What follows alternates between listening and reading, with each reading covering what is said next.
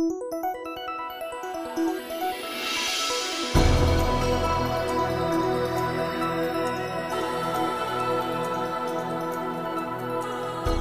мэцэн өрхөм сонсогчдоо Eagle Radio 91.1-ийн радио жиргэний нэвтрүүлгийн 7 хоногийн баасан гарагийн 1730 минутын нэвтрүүлэг за эрхэм сонсогч та бүхэнд хүрэхэд бэлэн боллоо. Жолооны ард цугаа та бүхэн радиогоо 91.1 дээр тааруулаад за радио жиргэний нэвтрүүлэгтээ наран төс гамбайр нартай хамт байгаарай.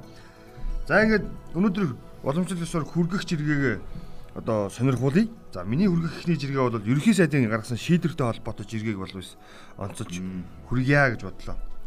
За, ерхий сайд оюун эрдэнэ төрийн албан хаагчид автобусаар ажилдаа ирж явдаг болно гэд мэдээлэл хийсэн. Өөрөөр хэлэх юм бол 7 цаг 30 минутаас эхлээд төрийн албыг бол цуглуулдаг байхаар төлөвлөж байгаа. За ингээд 7 цаг 30 минутанд ажил эхлэхдээ автобусаар ажилдаа ирнэ. Учрын үг юу вэ? Улаанбаатарын автомашины нэгдүгээр төгжрөл, замын төгжрөл, хоёрдугаар төрийн албаар үйлчлүүлэх гээд очисон иргэдэд төрийн албаны зам талбай ерөөсөн машин тавих зогсоол байдаггүйтэй холбоотой. Өглөөд 8 цагт 9 цагт ажилдаа ирээд бүтэн 6 7 цагийн турш үндсэндээ бол тэр зогсоолыг албан агчдын машин дүүргэж байгаа учраас энэ асуудлыг зэгцлэе гэдэг үдээс энэ шийдвэр гаргасан гэж тайлбарлаж байгаа. За энэ шийдвэр гэхдээ хэрэгж гисэх нь бас эргэлзээт. Яагаад вэ гэхээр өмнө нь за хотын дарга байсан Баатар Батүл яг энэ шийдвэр гаргаж ирсэн. Аа нийслэлийн захиргааны төрийн захиргааны албан хаагчид ямар нэгэн байдлаар автомашинтай ажилдаа ирэхгүй шүү. Ирлээ гэж тооцоход тухайн хүмүүс автомашина за хотын захиргааны дүүргийн захиргааны ч гэдэг юм уу те энэ талбаануудаар тавихгүй шүү гэдэг асуудал ярьсан.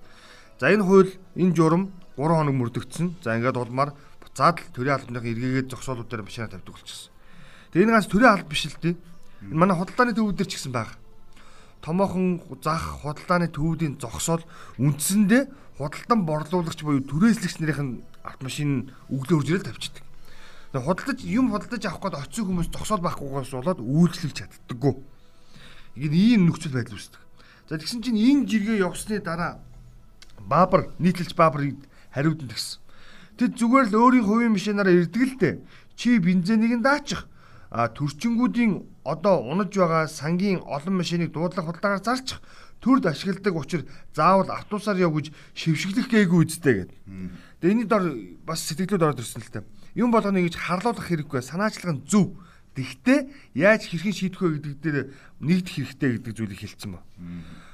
Төрийн албаныхан одоо миний олж уншсанаар Японд жишээлбэл төрийн албан хаагчдаг ч гэдэг юм уу эсвэл яам тамгын газар ажилладаг хүмүүс нь хувийн машинтай очиос ичдэг. Яг тэгэхээр манайх ч болохоор яамд муу төрийн албанд ажиллаж байгаа хүмүүс гой гой том том джипнүүдтэй ажлынхаа гадаа соогоо тавьчихдаг те хин гой машинтай харуулах гэж За сүүлийн үед бол Прус гэдэг нэг үйл үзэгдэх юм одоо юу гэдэг өнгөлөнд ашигладаг болчихсон. А гэтэл Японд бол төрийн албаныхан бол уучлаараа ерөөсөө машин унахыг бүр ингээд бүр ичгэвтер хэрэг гэж үздэг. Төрийн албанд ажиллаж байгаа бол метрогоор явдаг бүр тийм өөрсдийнх нь хумсарч цуцсан нэг тийм юм байдаг юм бэл. Манад болохоор эсрэгээр төрийн албаны хүн бол машинтай байх хэрэгтэй гэдэг агуулгатай. Магадгүй тэр газрын албаны ганц нэгэн нөхдүүд гадар явдаг тэр халамжийн ажилтнууд нь машинтай байж болох бах тийм ээ. Ажлын онцлогоос хамаад за бусад нөгөө нэг 6 8 цаг өрөөндөө сууж байгаа нөхдүүд бол заавал нэрээ нэг бодлоо машинтайгаа ажил дээр ирэх гээд яах вэ тийм ээ. Энэ яг хэрэгжүүлж үнэхээр чадах юм бол энэ яг нүдэ олсон шийдвэр байна. Баяр хүргэе гэж байна. Тэгээд манай төрийн албаны бүтц чи их сон. Ялангуяа нөгөө машин тэр хэрэгтэй ч байт юм шуудан зөөгч хүмүүсүүд маань ингээ алхаж явах дандаа хантаацтайгаа алхацсан л явж идэг хөө. Жидэг дугуун жидэг гэсэн тий. Тэгэхэд нөгөөдүүл нь ямар ч онцгийн шаардлагагүй хүмүүс том том хар машинууд унтсан. Тэгээд тэрэнд нь одоо жилдээ хидч байдгийг замраагүй замраагүй төсвөр мөн төсвийн мөнгнөөс худалдаа авалт хийж идэг тий. Хамгийн сүүлдэл гэхэд одоо нөгөө байнга л тэр автомашины дүүлэнд игдэж идэг. Одоо манай хамгийн шударгуу сайд гигддэг байсан. Нямдорж байгаа хүртэл ямар үнэтэй 5 70 машин шинэ оноохыг авсан юм тухайн жилдээ гих мэтчлэн бид нар бол ийм ичих юмнасаа бас ичмээр юм аа. Бас нэг ийм надад нэг сонирхолтой жиргээ байна. Энэ бол нийгмийн хамгаалал хөдөлмөрийн яамны сайд аюушийн ариун заягийн жиргсэн жиргээ байна. Энэ сарын энэ сар 43 мянган өрхийн 235 мянган хүн хүнсний эрхийн бичиг хүлээн авчээ. Энэхүү үйлчлэгийг бид бүрэн захимжуулж дууссан буюу бүгд карт ашигладаг боллоо. Төрийн банк баяр хүргэе. Одоо касс засгийн болон ий баримт өгдөг дурын дэлгүүрээс хүнс тэжээлийн бараагаа авах боломжийг бүрдүүлж байна.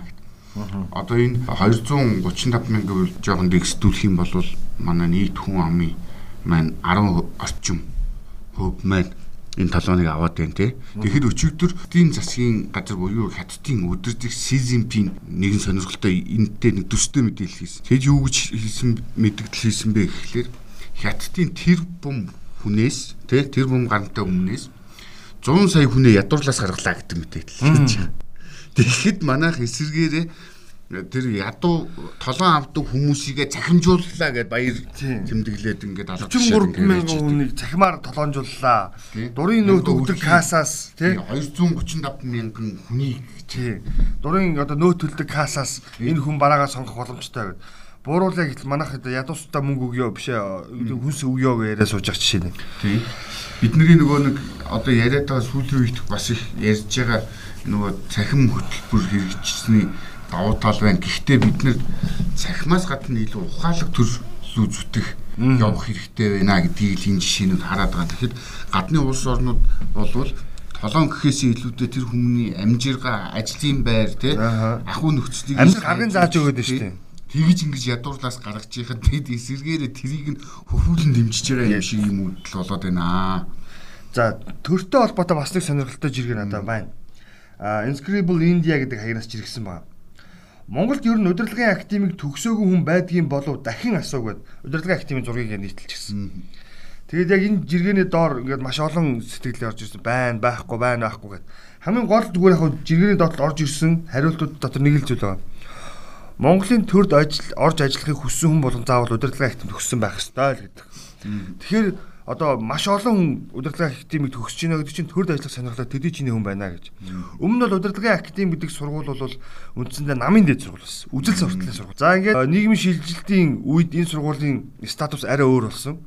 Өөрөөр хэлэх юм бол төрийн албан агчийг бэлтгэн сургууль сургадаг 45 хоногийн курс болж хөрсөн. За ингээд хүчээ аваад за арчилсан нам төрийн эрхэнд ингээд хоёр ч удаа гараад ингээд ирэхээр тэр сургууль маань бас намын үжил сурталын сургууль шүү дээ үндсэн суурна. Тэгээ төрийн албыг сургахтаа ч гэсэн бас намын хуучин үжил суртал сурах гэдэг шүү дээ.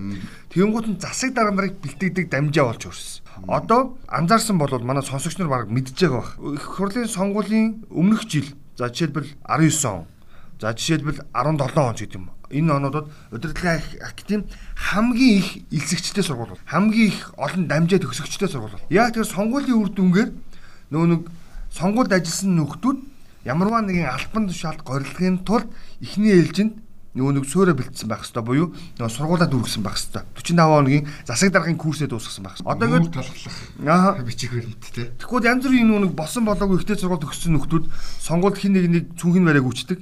Тэгээд магадгүй нөгөө нөхөр нь ялт байгуулсныхан дараа албан тушаал томилох гэхээр актим буюу удирдлагын актим гэж хэлэгдэх засаг даргын 45 хоногийн дамжааг төгсөөгүй гэж хэлдэг. Тэгэхээр зайлшгүй 45 хоногийн дамжааг ерөөсөө хэдийн үед дүүрэх ёстой болдог. Тэгэхээр сонгуулийн өмнөх жил ерөөсөө битүү болдог. Энэ бүр удирдлагын актимийн бүрийн бичигдэг. За нөгөө талдаа энэ улс төрийн намууд би бүр одоо энээр цохохоо болиё гэдэг шиг. Улс төрийн бүгдээрээ бүр ингэ удирдлагын актимтэй гэрээтэй. Тэгээд тэгээд намынхан дэргэд тэгээд мэдээч хэрэг хүчнэгүүдээ бэлтгэх шаардлага гарна. Ингэхээр удирдлагын актимтай гэрээгээд тухайн намд илсэн орсон өмнөх нь тэдэн хувийг нь шууд удирдлагын актимд авч хүчээр сургадаг. Нэг юм тогтолцоон зөв боловч удирдлагын актив чинь өөрөө ийм сургуулийг бэлтгэх чинээний сургууль мөн үү гэдгийг бас асуух хэрэгтэй болчиход байгаа юм байна. Яг төрд ажиллаж байгаа хүн заавал удирдлагын актив төгссөн байх ёстой юу үгүй юу? Үжил сурталчилсан сургууль төгссөн байх ёстой юу үгүй юу гэдгийг бид нар ярих ёстой гэд. Би энэ жиргэг онцлоод байгаагийн гол шалтгаан нь артлын нэг жиргээ сонирхол татсан. За ариун заяа С гэд хаягнаас жиргсэн байсан. Гитэмс гэж сургууль Америк, Японд боловсон хүчин бэлтгэж өгөөд хаагдлаадаа харамсалтай гэдэг. Тэгээ би үнэхээр гайхсан л та. Гитэмсийг одоо хаацсан болов гэсэн чи яг нарийн мэдж байгаа хүн олдохгүй. Нөгөө талдаа шинжилгээ технологи их сургууль За компьютер менежмент их сургууль гэдэг компьютер техник менежментийн сургууль гэдэг арай статус нь өөрчлөлтсөн болов гэж боддог байхгүй. Одоо энэ тэгсэн бах гэж таасан. Тэгээ гитэмс төгссөн хүмүүс үнэхээр яг энэ саяны энэ жиргээ чи хэлснээр үнэн бохгүй. Гитэмс анх байгуулагдахад маш мундаг нөгөө нэг сэрэгдэл одоо залуучууд орж суралцсан. Түүнийг төгсөгчд за үндсэндээ бол бараг 50% нь Америк руу гараа авчихсан. Америкийн маш олон IT компаниуд ажиллаж байна. За ингээд дараагийн ээлжийн төгсөгчд нь 700 инженер бэлтгэх хөлөө 800 инженер бэлтгэх хөлөө Японы ийм хамтын ажиллагааны боловсролын яамнаас гарсан хөтөлбөрөд энэ хүрээндээ Японд яваад төрсөн. үндсэндээ Китэмс бол ингээд маш мундаг мэрэгчлэнгүүдээ гадаадад бэлтгэж өгөөд явуулчихлаа. Даанч харамсалтай гэдэг санаа. Тэгээ миний мэдгээр миний гэр бүлийн хүрээлэн төр найз нөхдийн хүрээлэн төр Китэмс төгссөн 10 залуучууд одоо Америкийн нэгдсэн улсад за Европын холбооны улсуудад үндсэндээ IT инженерийн чиглэлээр мөнцөн мэрэгчлэр ажиллаж байна. Яг тэр Монголд хөдөлмөрийн үнэлэмж нь IT инженерийн үнэлэмж бага учраас тэнцээ өндөрөөр үнэлчихсэн. Тэгээ дээр нь тэнд зах зээл нь байгаа. Тийм. Ингээ аваа явчихдаг. Тэгээ Монгол хэрэгтэй сургуулаа өөртөө ингэж авч үлдээж чадахгүй юм нэ. Хэрэггүй муусан уучлаарай тэр удирдлага академийн мундаг докторууд намайг уучлаарай. Хэрэггүй муусан намын буюу үдэл сурталчилан сургуулаа аваа үлдчихдэг. Ийм байж боломжмаа л гэж хэлэх гээд. Наадах чи яг базаад энэ инхот дангаас өрн гэдэг жиргээч. За. Дата төвийн гэдэгтэй бид нар жирэгцэн байгаа. Хууль, ёс суртахуун, боловсрол, хүмүүжил зэрэг нь бүгд нийгмийн суурь. Зөөлөн дэд бүтцүүд. Харин эдгээр суурь сул бол ямар ч сайхан технологи олд улам том шин эрсдэл авчирнаа. Суурийн даах чадвар хэтрэх цагт хаос эрс нэмэгдэнэ. Авилга бол суурийг устгагч гол өвчин юм аа гэдэг. Бид нар өнөөдөр нөгөө энэ залуучууд ч гэсэн одоо энэ цахим ийм Монголиа хөтөлбөрийг хэрэгжүүлэхэд одоо та бүхний тусалцаа хамгийн өндөр тавиа гол гүйцэтгэгч нь та нар байна гэдэг ерөнхий сайд өөрөө бичлэн уулзалт хийсэн салбарынхантай. Тэгэхэд тэр залуучууд ерөөсө ганц л юм хийсэн. Бид нар наадахын чинь оролцохгүй. Бид нар тэгээд байх цаг зав байхгүй. Бид нар өөрсдөө тусдаа асуудлаа хийж байна. А харин та нар энэ төрөөс угчдаг тендерээр тендер авч баяждаг энэ утгагүй технологи байгаа энэ компаниудаа болиулаа. Та хэрвээ ерөнхий сайд хийж их хугацаанд үнэхээр энэ салбарыг дэмжиж гэж байгаа бол ганц л юм хий. Энэ нөхдүүдийг хол байлгаа.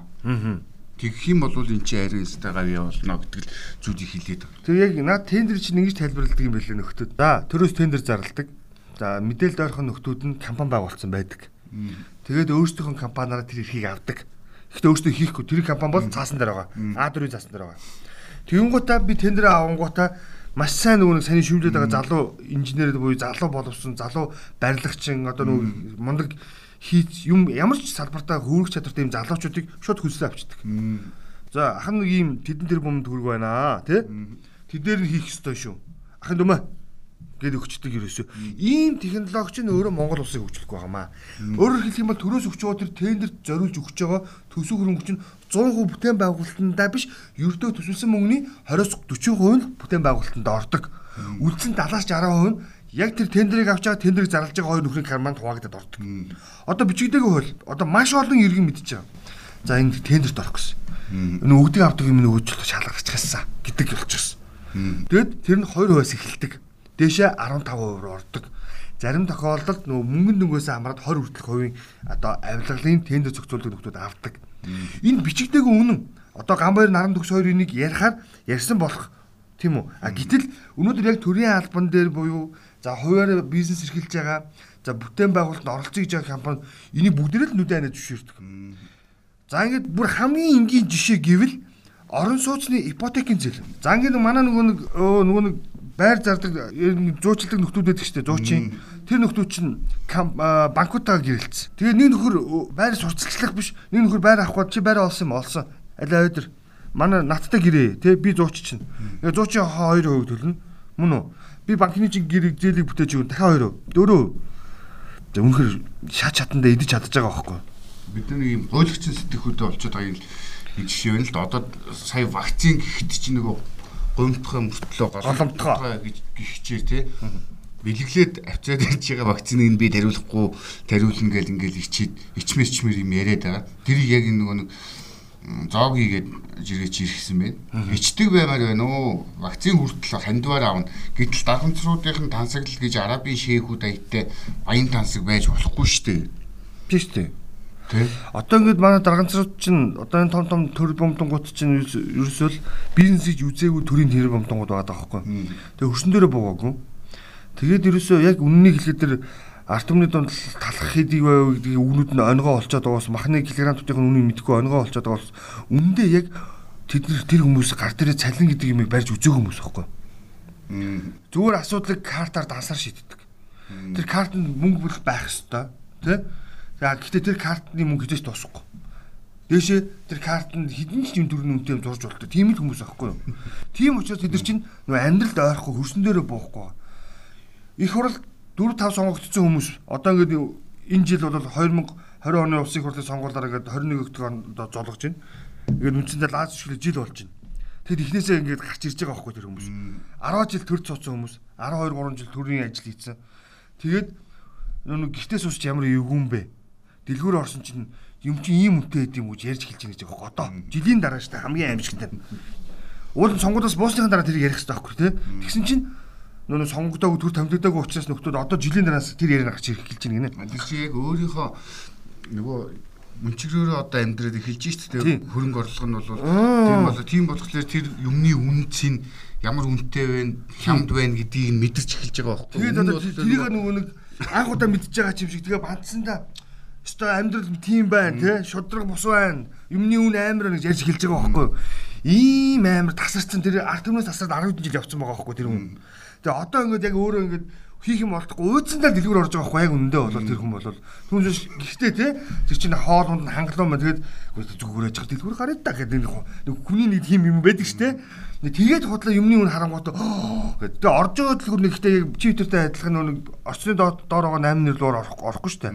Нөгөө үнэтэй үнэтэй том том супермаркет руу орно. Супермаркетуудын чинь онгон дороо үсттэй. Шилээр нь авч чадахгүй байна тосыг гэдэг. Тэгээ оливын тос яриад байгаа байхгүй юу? Оливын тос ганц шилтэй байдаг. Ургамлын тос бол хувцас савтаа байгаад удаж чинь. Нөгөө 9-ийн тоснос хойш ургамлын сав чинь тос чинь тий хомцоо савтаа байгаа даа шүү дээ. Хомцоо савтааг нь авч чадахгүй грамлж авч гин гэж хэлчихэж байгаа царай нөр. Шилээр нь авч чадахгүй байна гэдэг чинь үгс үг юм бэ. За дараагийн нэг жиргээ тэгвэл аа дашаа авдан гэдэг хүн жиргсэн байна. Замын үдийг хөгжүүлэх гээд байгаа засагтаа зөвлөчгөл яах болоо гэд. Өвөр Монгол Гансу, Нэншанд, Макао явж мөнгө өргөх завгүй 5 сая юаны саятан байна гэж. Хуулаа батлаад урд хил дээр ганцхан бооцоод морины уралдааны төв байгуулчих. Тэгээд өдөр бүр найр наадмаа хий. За зодлгүй буцаачхад бай гэж байгаа. Өөрөөр хэлэх юм бол хятад улсын хойд хэсэгт нь буюу Монголтой хил залгаа өвөр Монгол, Гансиун, Наншин зэрэг газрууд те үндсэндээ одоо өвөр Монголын тэр э, баячууд нь мөн үү 5 сая юаны саятангууд байдаг гэж штэ. 5 сая хүн байна гэж байна. Юаны саятан тэр бомтон болчихсон. Тэр хүмүүсийн мөнгийг Монгол 10 Монголд татах боломж байна гэдэг санаа. Гол нь ирээд нөхдүүд ингээд үйлчлүүлээд явах нь битгий зодчороо л гэдэг санаа. Гэтэл манайхын зам үд алтан болгын чөлөөт бүс гээд за миний мэдхийд баг 20 жил байна. Нэг төмөр дор татцлаас өөр зүйл байхгүй. Зам үүдийн чөлөөт бүсийг бол за алтан болгын чөлөөт бус нь зам үүдийн чөлөөт бүсийг бодох юм бол нэг л ялгаатай. Торон дотроо хоёр давхар байшинтай. Өөр юм байхгүй заа юу. За харин замуудын чөлөөт тос бол би буруу санаж байгаа бол 100 хэдэн тэр бумаар жилүүдээр нэг таашаад нэг тор татсан юм. Өөр юм хийгээгүй. Тинжээл юм чөлөөт тос байгуулжмаар байгаа байхгүй.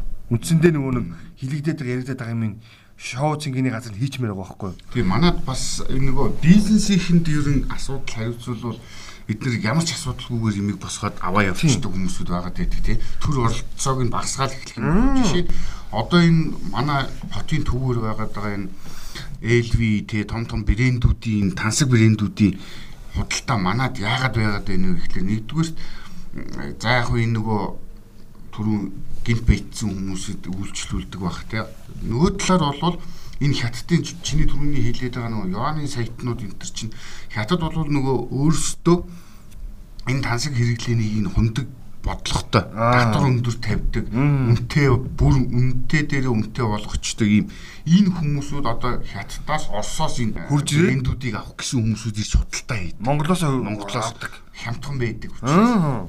Энэ яг гарцыг нь болоод манай бизнес их юм бол ингээд ийм гой гой тансаг тансаг дэлгүүрүүд оруулаад ирсэн байна. Энийн шиг ийм чөлөөт бүс байгуулад нөгөө бизнес ихнийгээ дарамтлахгүйгээр нэг зовлонтой манайх нэг байгуулах гэхлээр л нөгөөдүүлээ дарамтлах гал ингээл татвар авилгаа нэхэл хэлдэг тий. Тэгчгүйгээр бол уг аанда энэ асуудлыг шийдээд явчих юм шиг байгаа. Тэрэн дээр чинь яг уйлдаад нэг зүйлийг за хот судлаач гэдэг нөхөр ярьж ирсэн. Сайхан даа сайхан. За энэ ямар нэгэн чөлөөт бүсийг байгуулахад хамгийн чухал юм бол нүү дид үтс. Алтан булаг зам үд өөрөө дид бүтс байна уу байгаа. За төмөр замтай За тодорхой хэмжээнд авт замын сүлжэт гол нь онгоцсны буудал байхгүй. За тэгвэл тэр газар хаана нэгэ хайсч Улаанбаатар хот байна гинэ.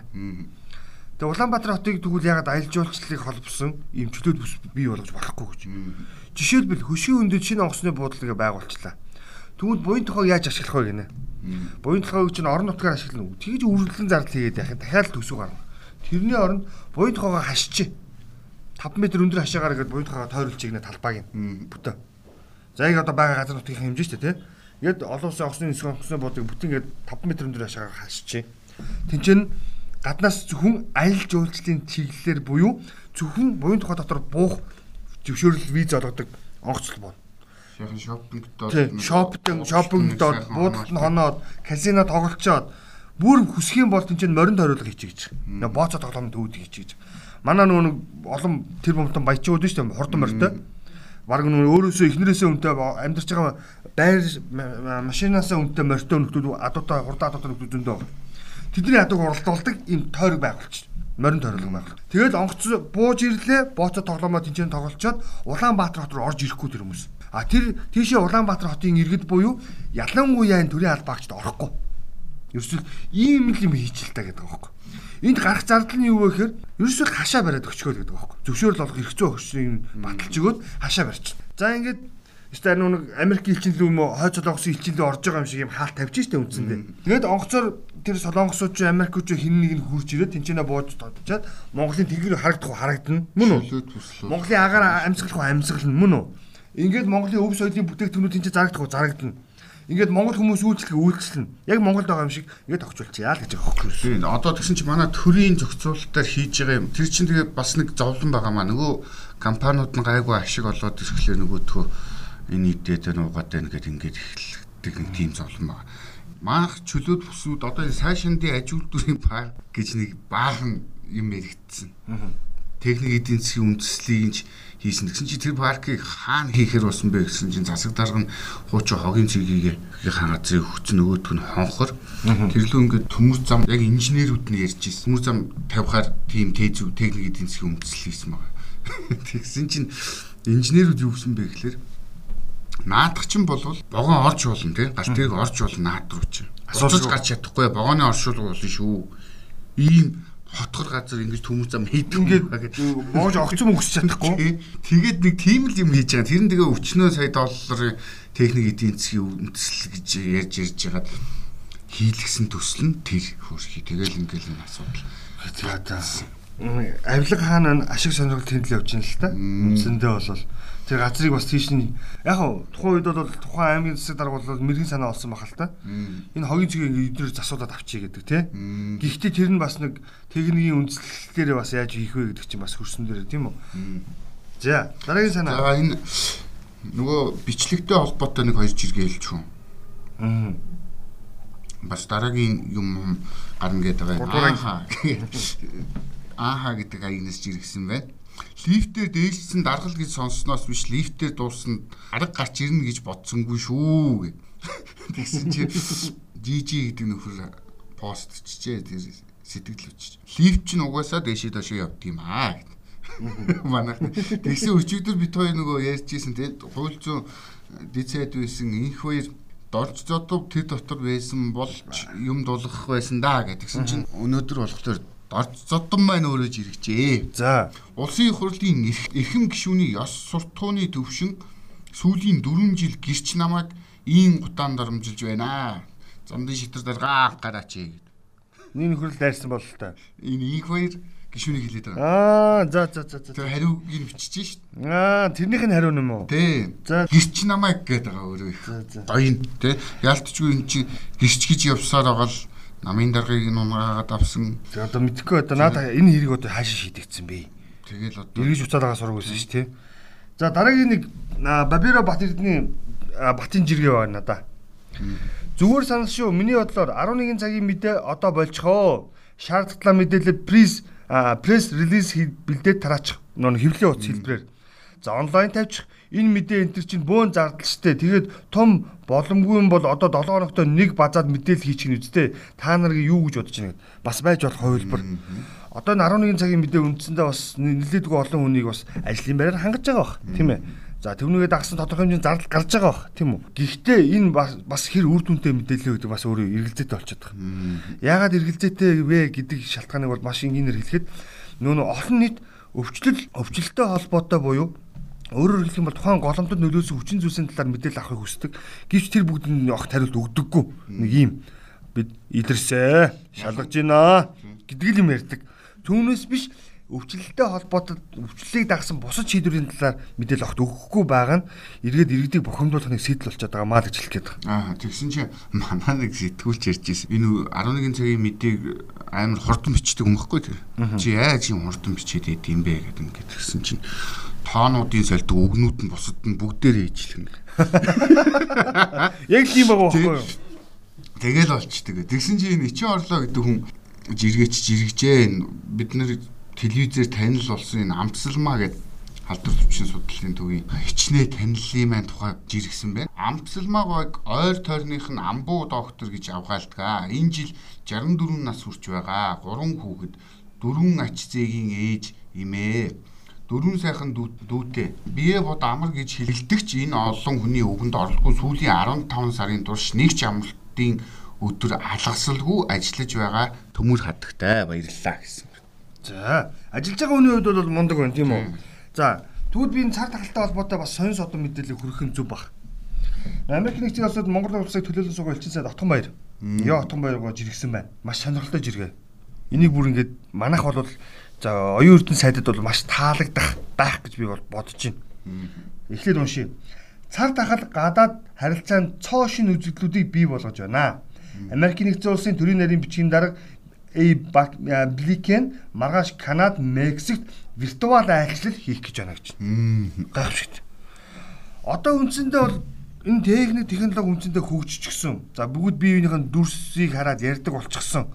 Амтлах үнэрлэхээс бусад мэдрэмжийг ерөөхдөө биеиндээ өгч чадхаар хэмжээний технологи бол бий болчлоо шүү дээ. За ерөөхдөө тэгвэл Америк нэгдсэн улсын энэ виртуал айлчлал бол маш тийм онцлогтой болно гэж шинжиж харж байгаа юм байна. Ялангуяа энэ айлчлал бол тухайн хүний нүүр царайны сэтгэл хөдлөл хойрол гэж хэлдэг тийм ээ. Энийг бол бүрэн илэрхийлж чадна гэж үзэж байгаа юм. Тэгээд нөгөө талдаа бас хоолойны өнгийг бол 100% илэрхийлж учраас энэ өөрөө бодит мэт айлчлал болох үр дүнтэй гэж харж байгаа юм.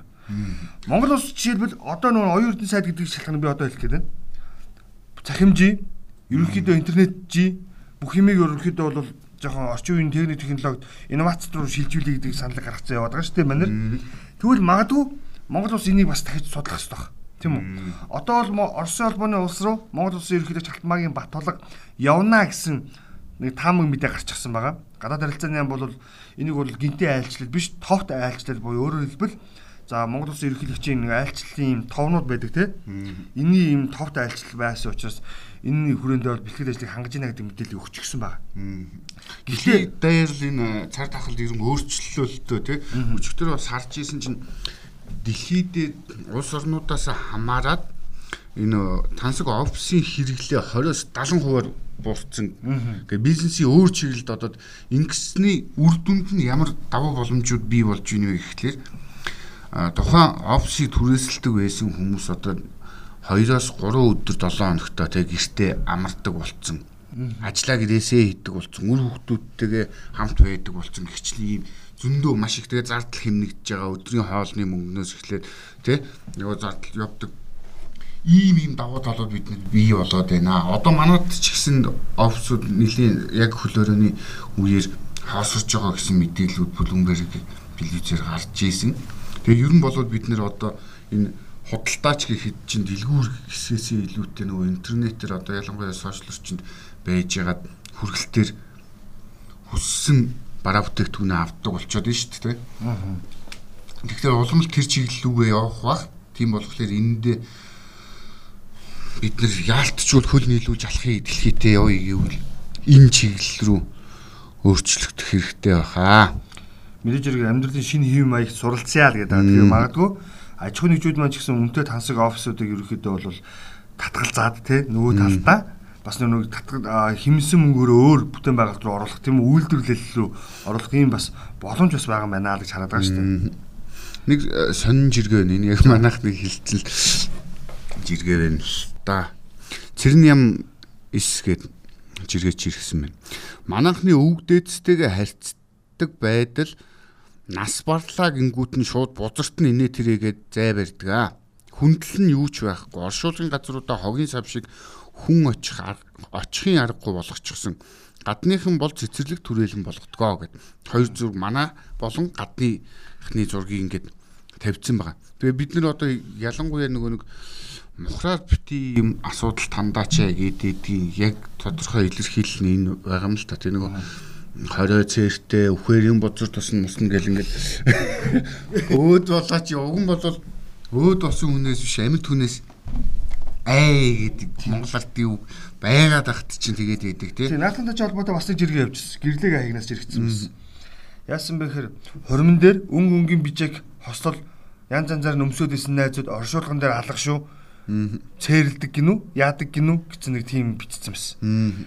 Тэгэхээр нь би бүр яг яг л тийм болчиход байгаа байхгүй. Одоо ч сүүлийн үед нэг л 20 нар гэл нэгэн уучна ста хамгийн үнэтэй хувцас өмсөд байхгүй бол худалдаж аваад зээлэрч болтгоо худалдаж аваад 20 найранд гүг очичдаг. Тэгээ хин нэг юм байна ямар нэгэн асуудал үүслээ гэж ингээд зовлон тохиолдолд ууг шавга хуваалцах хэрэгтэй байна гэх. Тэгэхээр яна миний жил орцсон. Намайг нөгөө лам тим азар явж болохгүй гэсэн штэ гэд. Ингиж хилээ зогтдаг сугардаг нэг юм үзэгдэл бас бий болчихсон хүн хүнээрээ байх хэвээр хүн хүнийхээ хүн чанараа хаанч гихгүй байх хэвээр тий Тэрийг хилээд байгаа санаа. Түүнээс оршуулга болгонд бас гүгээдэ гэсэн үг шилдэ мэдээж хэрэг. Бас монгол хүний бас тодорхой нэг сая хэллээ шүү дээ үхсэн хүнээс биш амьд хүнээс айх хэрэгтэй тий энийг бас бид нар бас хаана бас бодох хэвээр өксүн бол магадгүй бурхан болооч байгаа бид хүндгээд ингээд хүндэл үзүүлэх нь зүүн өргөх. А харин тэр хорим наран дээр ч агсан согтуу тавиад нөгөө нэг арх дарсанд над сэтгэл шүглээд хэрэн ч хүн илүү хор хохирол амсах юм биш үү гэж хараад байгаа шүү дээ бас. Тий. Тэгээд дээр нь одоо бид нөгөө хөрсний бохирдол янз бүрийн юм гэл ингээд яриад яриад байдаг.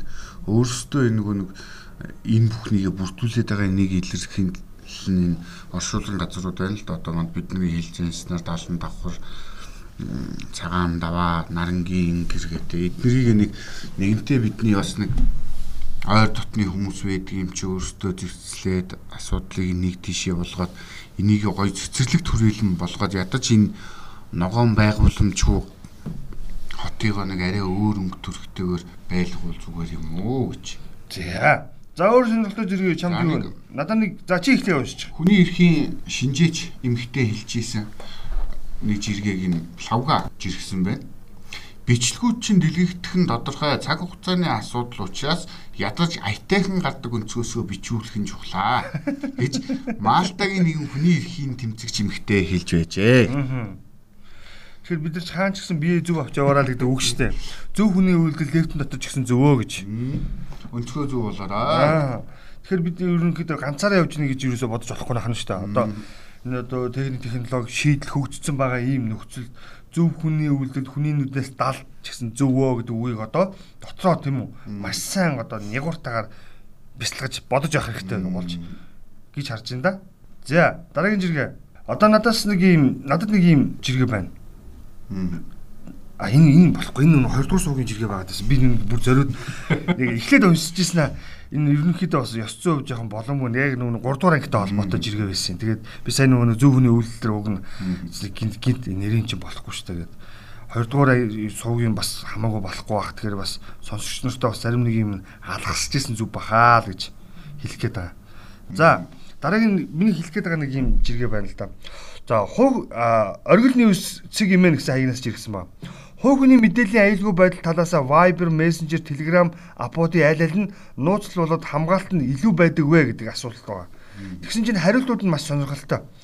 Бүгдөө найдваргүй. Зүгээр хамгийн гол нь хүн хэрэгэлсэн одоо юу гэдгийг текстүүдээ ашиглаад дууссан бол дандаа устгадаг байх хэвээр гэдэг зүйлийг хэлж байгаа. Энийг яг нэг 3 дугаар ангитай холбоотойгоор би нэг яг түрүүн нэг 2 дугаар сувгтай холбоотойгоор авсан юм. Уг нь 2 дугаар сувгтай холбоотой жиргээ дээр бас яг асуулт асуултыг бичсэн байсан. Юу вэ гэхээр тойруулаад хэлэх юм бол нөгөө сүүлийн үед энэ барилга хоорондын за их болчихсон тий. Тэгээд хүн гэртээ ямар нэгэн байдлаар нүцгэн байх тийм үү? Ирчлөөгөө идэх, хувийн орон зай идэх боломжгүй болгочихсон тухайн юм зурагтай үг хэлгээс нэлээ хүнд юмнууд байгаад байсан. Тэгээд нөө хүний эргэтэн эргэтэн нэрлээ авчихсан нэг юм байсан. Тэгээд тэгсэн чинь яг тэрийг дагсан араас нь тэгсэн баг хувийн мэдээллийн аюулгүй байдал талаасаа энэ ашиглаж байгаа тэгвэл бидний энэ чат одоо энэ аппликейшнүүд хэр найдвартай байдаг чинь бүгд найдваргүй хүсэх юм бол хэнийг ч юмыг сонсох бүрэн боломжтой. Хамгийн гол одоо өөрийгөө хамгаалах асуудал бол ерөөсөө ингээд хэрэгэлсэн барьсан юм устгах чиг. А гэсэн чинь түүнийх нь араас орж ирсэн хариултууд нь ер нь бол олон нийтийн газар нүцгэн уулзгал хамгийн аюулгүй шүү дээ гэсэн хариулт явж байгаа байхгүй. Тэгэхээр үндэ бас нэг тийм болчиход байна. За нөгөө талдаа энэ манай өмнөд хөршийнхэн чинь техник технологи өндөр хөгжсөн.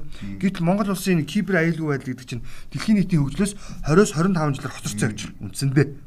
А тэгвэл иргэн наран төгс, иргэн гамбаа эрэг мөрдөж цагнах хэрэг гарах юм бол иргэн лүү нэг нөхөрлөө уц зохиол би нэг тэдэн битрийн занаас тийм хүнийг чагнамаар байна гэхэд надад хоп гэдэг жижигхэн чанарт хөрөмж явуулчихна. Тэрийг би дурын байшингийн газар гадаа машин цууж байгаа тэгээд ажиллах боломжтой гинэ. Ийм нөхцөл байдал Монгол одоо байгаа. Одоо бидний утсан дээр уцаа тавихад мэдээлэл хуулдаг програм Монголд байна гэж. Төрийн зохицуулалт хийж амжаагүй байхад бид нар энэ харилцаанд орсон. Харилцаанд ч ороод ингээд хөгжөөд явчлаа Монголд. Тэгээ одоо эдийн засаг, банк санхүү бүх юм ийшээ шилжээд ингээ явчлаа. Тэгэхээр одоо маш яралтай энэ нөгөө хууль эрх зүйн зохицуулалт баац сурыг л бий болохгүй бол бид нэр одоо Одоо яг яриад тийм одоо наасан дээр ч яриад байгаа юм чинь хувь хүний мэдээлэл хэрхэн нууцлах вэ гэдэг асуудал. Сүүлийн үед бид нар ингээд бүх юмыг цахимжуулж байна гэдэг дээр нэг асуудал үүссэн л дээ. Хүн хуруугаа хийхэнгүүд хүний хурууны хийгээр төрлийн мэдээллийг авдаг болчихлоо шүү дээ харьцангуй. Гэтэл энэ энийг нь эргээд бизнесийн байгууллагууд өөртөө ашигтай хэлбэр ашиглах юм үзэгдлүүд хандлагууд бий болчихсон.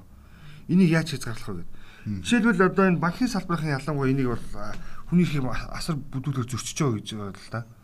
Тухайн хүний мэдээллийг аваад за ингээд бусад шилжүүлэх буюу өөрөөр хэлэх юм бол нөгөө нэг үр үүсгэх асуудал үүсэж байна гэдгийг яриад байгаа. Тэгээд тэр мэдээллээр нь далимдуулж тухайн хүнийг дарамтлах ч гэдэг юм уу те. Ийм асуудлууд үүсэж байгаа учраас энийг одоо бид нар маш нухацтай ярихгүй бол болохгүй. Төрийн байгууллагууд магадгүй бид нар одоо энэ гурван гурваны гар тийм гар хийгээр үйлчлүүлээд байдаг байж болох юм. Гэхдээ банк болон энэ энэ санхүүгийн харилцааны юм дээр бас нэг жоохон учиртай баймаараа шин ийм одоо юу гэдгийг мэдээллийн сан үүсгэх шаардлагатай гэдэг зүйлээ бас яригдчихэж байгаа юм бэл. За дараагийн жиргээ чиний энэ Дорчхан гişүүний ярьсан жиргийг судлаач Батэридүү гэдээ онцлсон байна. Ерөнхийлөгч үндсэн хуулийн цэцэд удаа дараа очиж уулзаж нөлөөлж байгаа нь буруу. Үндсэн хуульд хинч нөлөөлөх ёсгүй гэдэг. Манай ерөнхийлөгч нэг өөрөө ч дайчин хүн юм.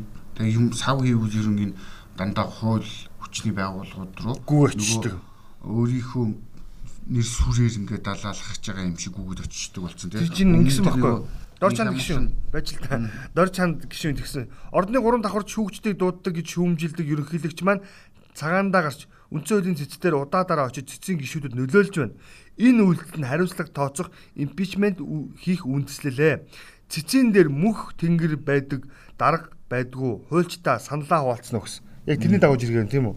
Тийм. Тэгээд ер нь өмнө нөгөө прокурорын байгууллагт бас өөрийн гүйж очсон. Гүйж очиж хэрэг өгсөн. Хэрэг өгсөн Тэгээд тэрэндээ тэр шалтгаанаа ямар байдлаар тайлбарласан бэ гэхлээр би зүгээр Монгол улсын иргэнийхээ хувьд иржиннийг шалгуулах хүсэлт гаргаж байгаа маа гэдэг нөгөө прокурорын өдөртөх ажилтнуудын хурал дээр очиод те. Тэгэхээр инх хамгаалан прокурор бол яг нэг юм ил хийсэн.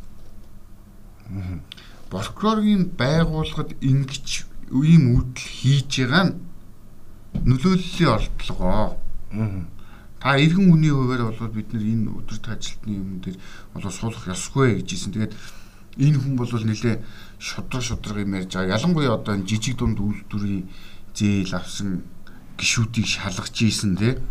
Тэгээ энэ үйлдэлийнхаа шалгалтыг хийхгүй гэснийхээ үйлдлийн дараа огцруулсан.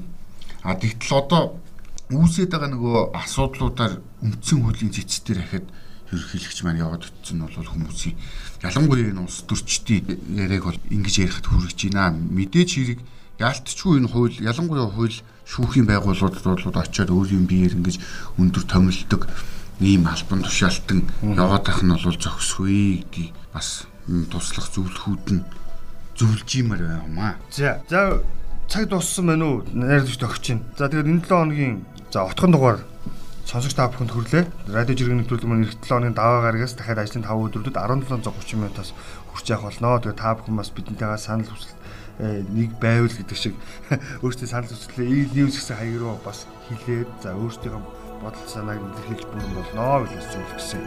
За баярлалаа.